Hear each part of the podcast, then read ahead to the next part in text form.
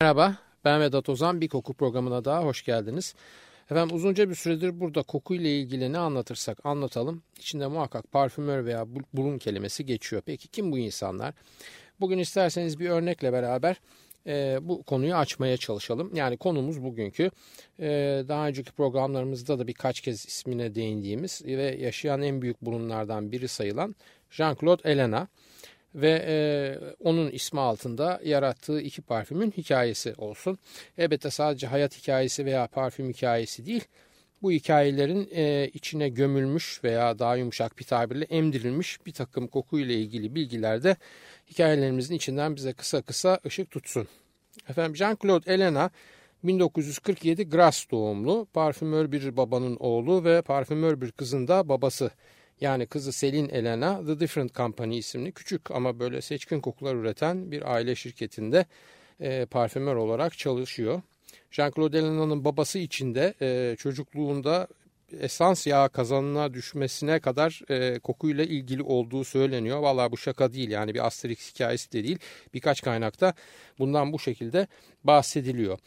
Elena'nın doğduğu Gras kenti koku dünyası için oldukça bereketli bir yer. Avrupa'da ün yapmış bunların pek çoğu Gras'tan çıktığı gibi işte Yasemin, lavanta, mayıs gülü yani roz de may gibi pek çok çiçek de bu kent civarındaki tarlalarda yetişiyor ve gene bu şehirdeki tesislerde işlenerek esans yağı haline geliyor.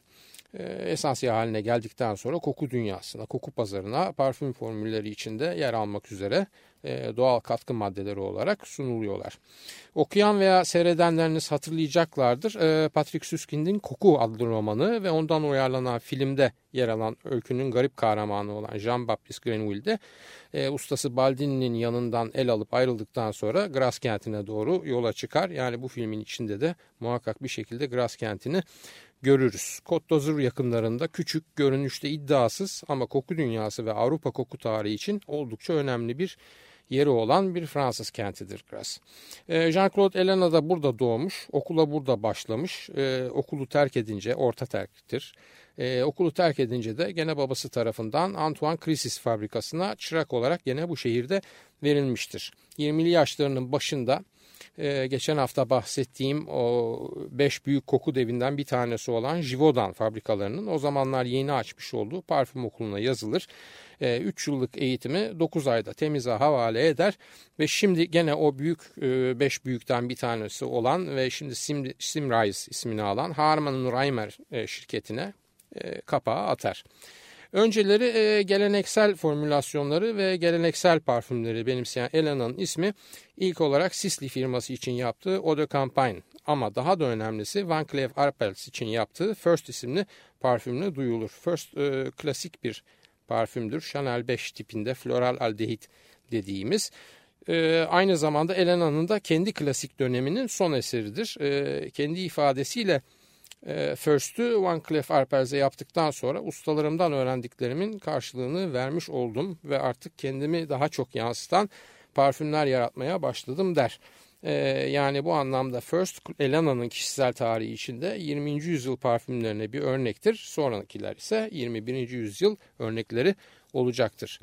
Kendini yansıtmak ne demektir veya Elena kendini yansıtırken nasıl bir yol izler? Yani normalde bir parfümörün orgunda e, parfümörün orgu dediğimizin ne olduğunu size çok kısa olarak tarif edeyim. E, perfumers org İngilizcesi.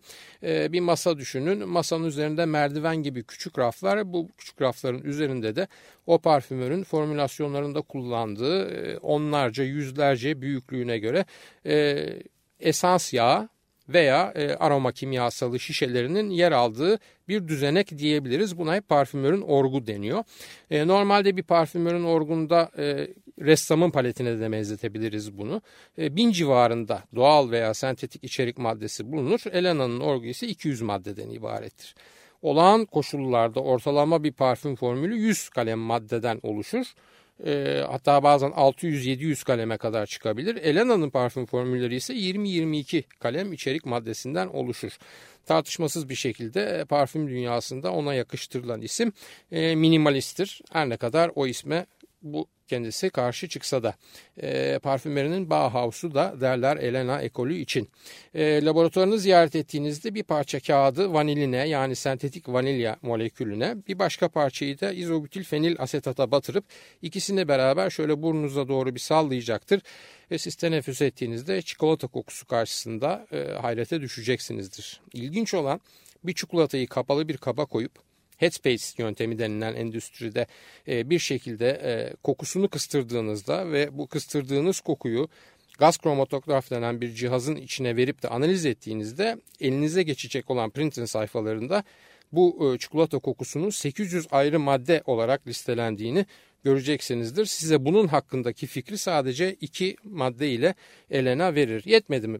Bu kez dört parça kağıt alır. Ee, bunları sırasıyla gene vaniline daha sonra da doğal esanslara yani tarçın, portakal ve yeşil limon esanslarına batırıp bir yelpaze konumuna gene getirir ve burnunuza doğru sallar. Bu kez de tıpkısının aynısı bir Coca-Cola kokusuyla şaşırır kalırsınız. Sadece içerikte kullanılan maddelerin sayısını değil bu içerik maddelerinin kendi doğal yapılarına da müdahale ederek onları basitleştirir. Mesela lavanta yağını laboratuvar ortamında ayrıştırıp içinden pek çok molekülü çıkarır. Neden? Çünkü çocukluğu Elena'nın lavanta tarlalarında geçmiştir. Çünkü gerçek lavanta kokusunun lavanta yağından farklı koktuğunu bilmektedir ve bunu kabullenmez. Bu noktayı isterseniz biraz açalım. Ne demek lavanta yağı lavanta kokusu değildir? Veya bu örnekten yansıtırsak gül yağı gül kokusu değildir e, de diyebiliriz. Bu ne demektir? Çünkü bitki ve çiçekler yağları elde edilmesi amacıyla pek çok işlemden geçerler. Bu işlemler sırasında da mutlaka değişirler.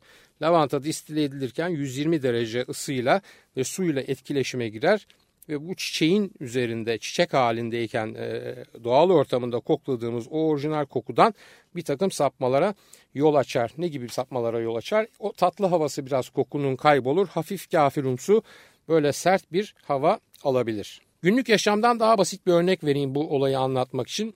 Seveni çok fazla olmayan bir sebze vardır kereviz. Bütün çocuklar çikolata severek doğarlar ama kereviz severek doğan çocuğa çok fazla rastlamayız. Kerevizi alın manavdan getirin mutfak tezgahına koyun.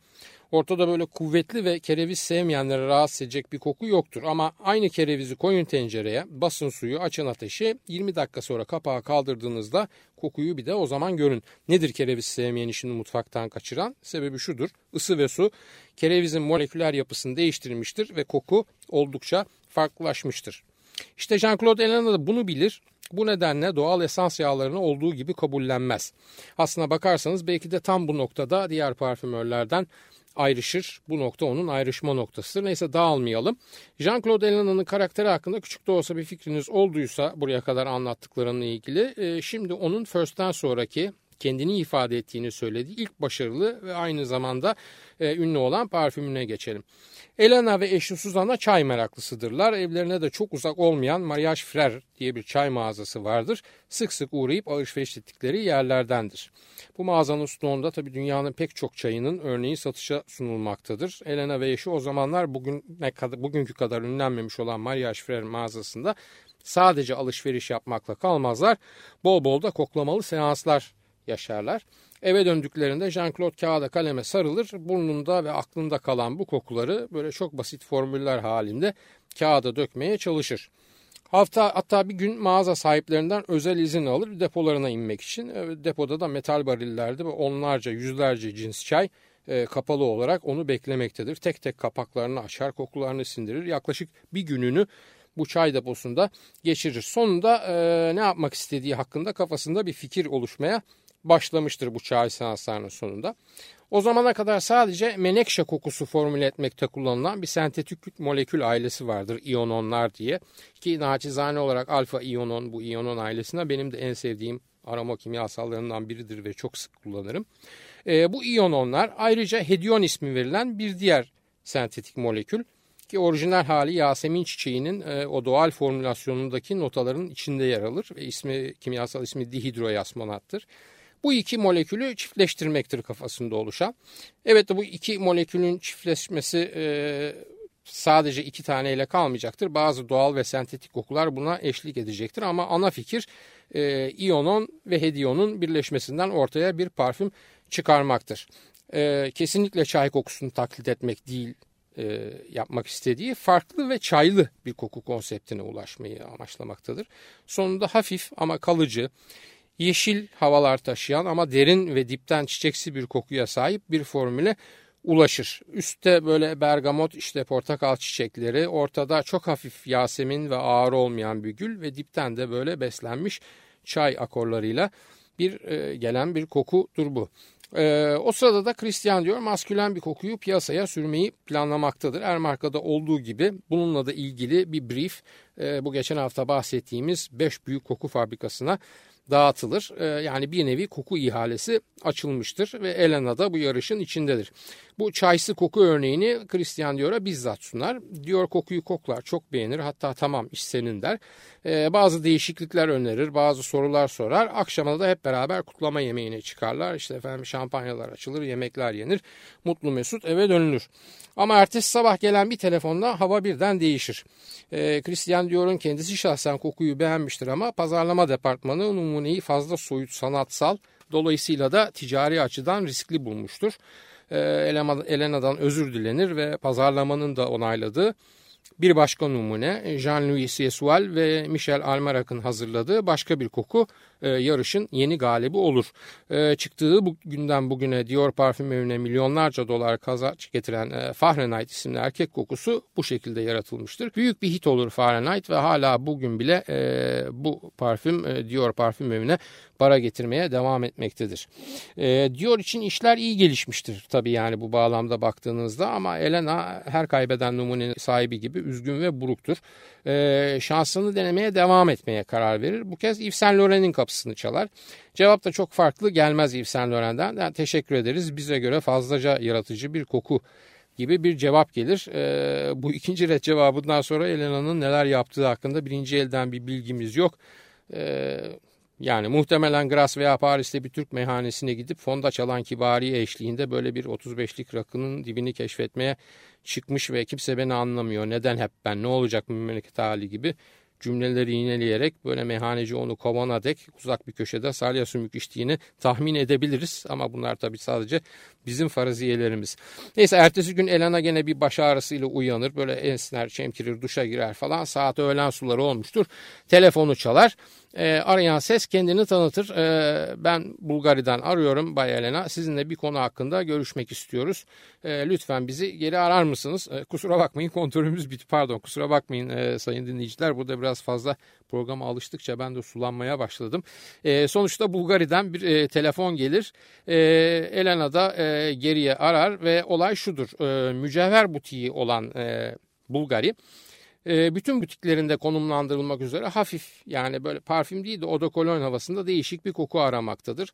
Bu koku aslında butiklerinin e, ortamlarını kokulandırmakta kullanılacaktır. Ama birkaç şişede böyle arka köşelerden birinde çok ısrarcı olabilecek müşterilere satılmak üzere hazır bulundurulsa hiç de fena olmaz. Yani asıl amaçları parfüm işi başlatmak değil, Bulgari kimliğini müşterinin gözünde biraz daha genişletmek, o mücevherci kimliğinin biraz daha dışına taşıp e, kar sağlayabilecekleri kanalları arttırmaya doğru bir konsept oluşturmaktır. Kokudan direkt bir getiri asla beklenmemektedir. Ee, Elena çay kokusunu Bulgarya'ya sunar. Zaten hafif bir koku dışında bir beklentisi ve hazırlanmış briefi olmayan Bulgari'de kokuyu kabullenir. Ö parfüme o tevert yani yeşil çaylı parfümlü su yani Elena'nın kokusu 1993 yılında tüm dünyadaki Bulgari butiklerine sevk edilir ve satışa sunulur derin, güçlü e, o mesela Darjeeling çayının pürüzsüz kokusundan havalar taşıyan ama böyle siyah Çin çayına daha yakın. E, yeşil çaylığı sadece isminde ve renginde yani dokusunda olan ama e, asla ve asla o çay suyu kaynatılırken kullanılan odun ateşinin yanık kokusu dipten e, gelmesinden imtina edilmeyen alışılmışların dışında hafif şeffaf ama kalıcı ve etkileyici bir parfümdür. Zaten daha önce de dediğimiz gibi Elena'nın amacı gerçeğin bir kopyasını yaratmak değildir hiçbir zaman. Gerçeği kendi anladığı şekilde dönüştürmek ve bir ifade aracı olarak kullanmaktır. Ee, bir gün, iki gün, e, bir hafta, iki hafta geçer. E, hiç ses çıkmıyor falan derken Bulgari tekrar arar e, yöneticisi e, parfümle ilgilenecek olan departmana atanan yönetici. Şaşkındır ama böyle çok da sevinçli bir ses tonu vardır. E, der ki sadece New York'taki butiğimiz günde 10 adet satmaya başladı. Üstelik de şişesi 350 dolara e, hiç beklenilmeyen bir şeydir tabii. Bu fiyat bir kere çok pahalıdır. Bu kadar adet bir satış beklenmiyordur. Tek butikte bu kadar rakam yakaladığına göre dünya çapındaki butiklerini düşündüğünüzde oldukça e, önemsenebilecek bir gelir kaynağı olduğu yavaş yavaş ortaya çıkmıştır. Repete siparişler birbirini kovalar. E, ve tabii Bulgari gayet mantıklı bir düşünceyle kokuyu butiklerinin dışına çıkarıp e, genel pazara sunmaya karar verir. İşte ana caddelerdeki parfüm evleri, duty free shoplar falan gönderilir. Hala o günden bugüne 15 yıldır e, kovalar doğrusu para e, Bulgar'ın kasasına bu parfüm sayesinde akmaktadır. Üstelik bu para makinesi parfüm satılması bile düşünülmeyen e, Dior ve Yves Saint Laurent'in reddettiği fazlaca şeffaf ve fazlaca yaratıcı bulunan bir kokudan gelmektedir. Ö parfüme o tevert yani Jean-Claude Elena'nın kokusu e, aynı zamanda bu parfümörün de zıplayarak çıkış yapmasına sebep olur. Artık e, Elena da kendi açısından 20. yüzyıl kokularını bitirip 21. yüzyıl kokularına başlamıştır. E, Elena sıçramayı yapar ve ismini kendi parfümü ve kendi kişiliğiyle piyasaya e, rapt ederken Bulgar'da tabii bir tek bu parfümle kalmaz. Ayrı bir parfüm evine de dönüşür. İşte Omnia'lar, Voile de Yasminler, Yasmin Noir'lar, Black'ler, Aqua'lar, e, e, BVL veya BUL'ler birçok parfüm bunu takip eder ve sadece mücevherci olmaktan çıkıp tam bir genel moda evi kimliğine dönüşür. E, birinci parfümün hikayesi böyle. E, ikinci parfümün hikayesi e, daha yakın zamanlarda geçiyor. 2004 senesine e, geliyoruz bunun için. Böyle bir pazar günü, e, güneşli Haziran hatta e, notlarımda böyle görüyorum. Elena lüks tüketim malları markası Hermes'in Paris'in kuzeyindeki Panten'deki ofisine gider. Pazardır ama bu özel toplantı için ofis açılmıştır. E, cebinde Hermes'in yeni çıkaracağı parfümün e, numune, skeç veya taslak diyeceğimiz koku küçük koku şişeleri vardır. E, ailenin şirketteki temsilcisi, Hermes ailesinin şirketteki temsilcisi ve yönetim kurulu başkanı olan Jean-Louis Dumas Hermes tarafından e, henüz firmanın daha yeni olarak, yeni e, baş parfümcüsü olarak atanmıştır. Aslında nedir bu baş parfümcü olarak atanmak? E, pek çok moda evi kokularını dışarıda yaptırdıkları için bünyelerinde baş parfümcü barındırmazlar. E, bir böyle bir şey maliyetlidir. İkincisi bar, baş parfümcünün bir kişi olması firmanın bütün parfüm koleksiyonunun tek kişinin vizyonuyla sınırlı kalması riskini de içerir. Ama e, tabii bu kişi eğer firmanın kimliğiyle çok bağdaşmış bir kişi ise firmanın çıkardığı bütün kokularda birbiriyle, birbiriyle uyumlu ve aynı şeyi söyleyen fakat farklı kelimelerle söyleyen kokular olarak piyasada yer alabilir. Bunun örnekleri işte Hermes bu kritik noktada e, baş parfümcü atamıştır tarihinde ilk defa. Chanel'in vardır Jacques Poj e, baş parfümcüsü. Çok uzun süreler Chanel'in içinde çalışmıştır ve Chanel 5'ten beri gelen o Chanel'in koku kültürünü çok iyi bilmektedir. Guerlain'in bir baş parfümcüsü var ama Guerlain'da işler çok değişti e, firmanın yapısı değişti vesaire vesaire. E, Elena'dan beklenen aslında seçkin bir parfüm koleksiyonuna sahip olan bu Hermes markasının ki aralarında Kaleş veya işte Even 24 Faubourg gibi klasikleşmiş olanlar da vardır. E, ondan beklenen baş rakip olan Chanel'den e, ki Chanel'den 10 kat daha düşük satmaktadır parfümlerini. E, bu soruna bir çözüm bulmasıdır. E, Chanel niye daha fazla satmaktadır? Çünkü Chanel bir koku markası olarak çok fazla tüketicinin gözüne yerleşmiştir. E, 2003 satış rakamı var bende burada 1.2 milyar dolar ki bunun büyük bir kısmı hala Chanel 5'ten gelmektedir.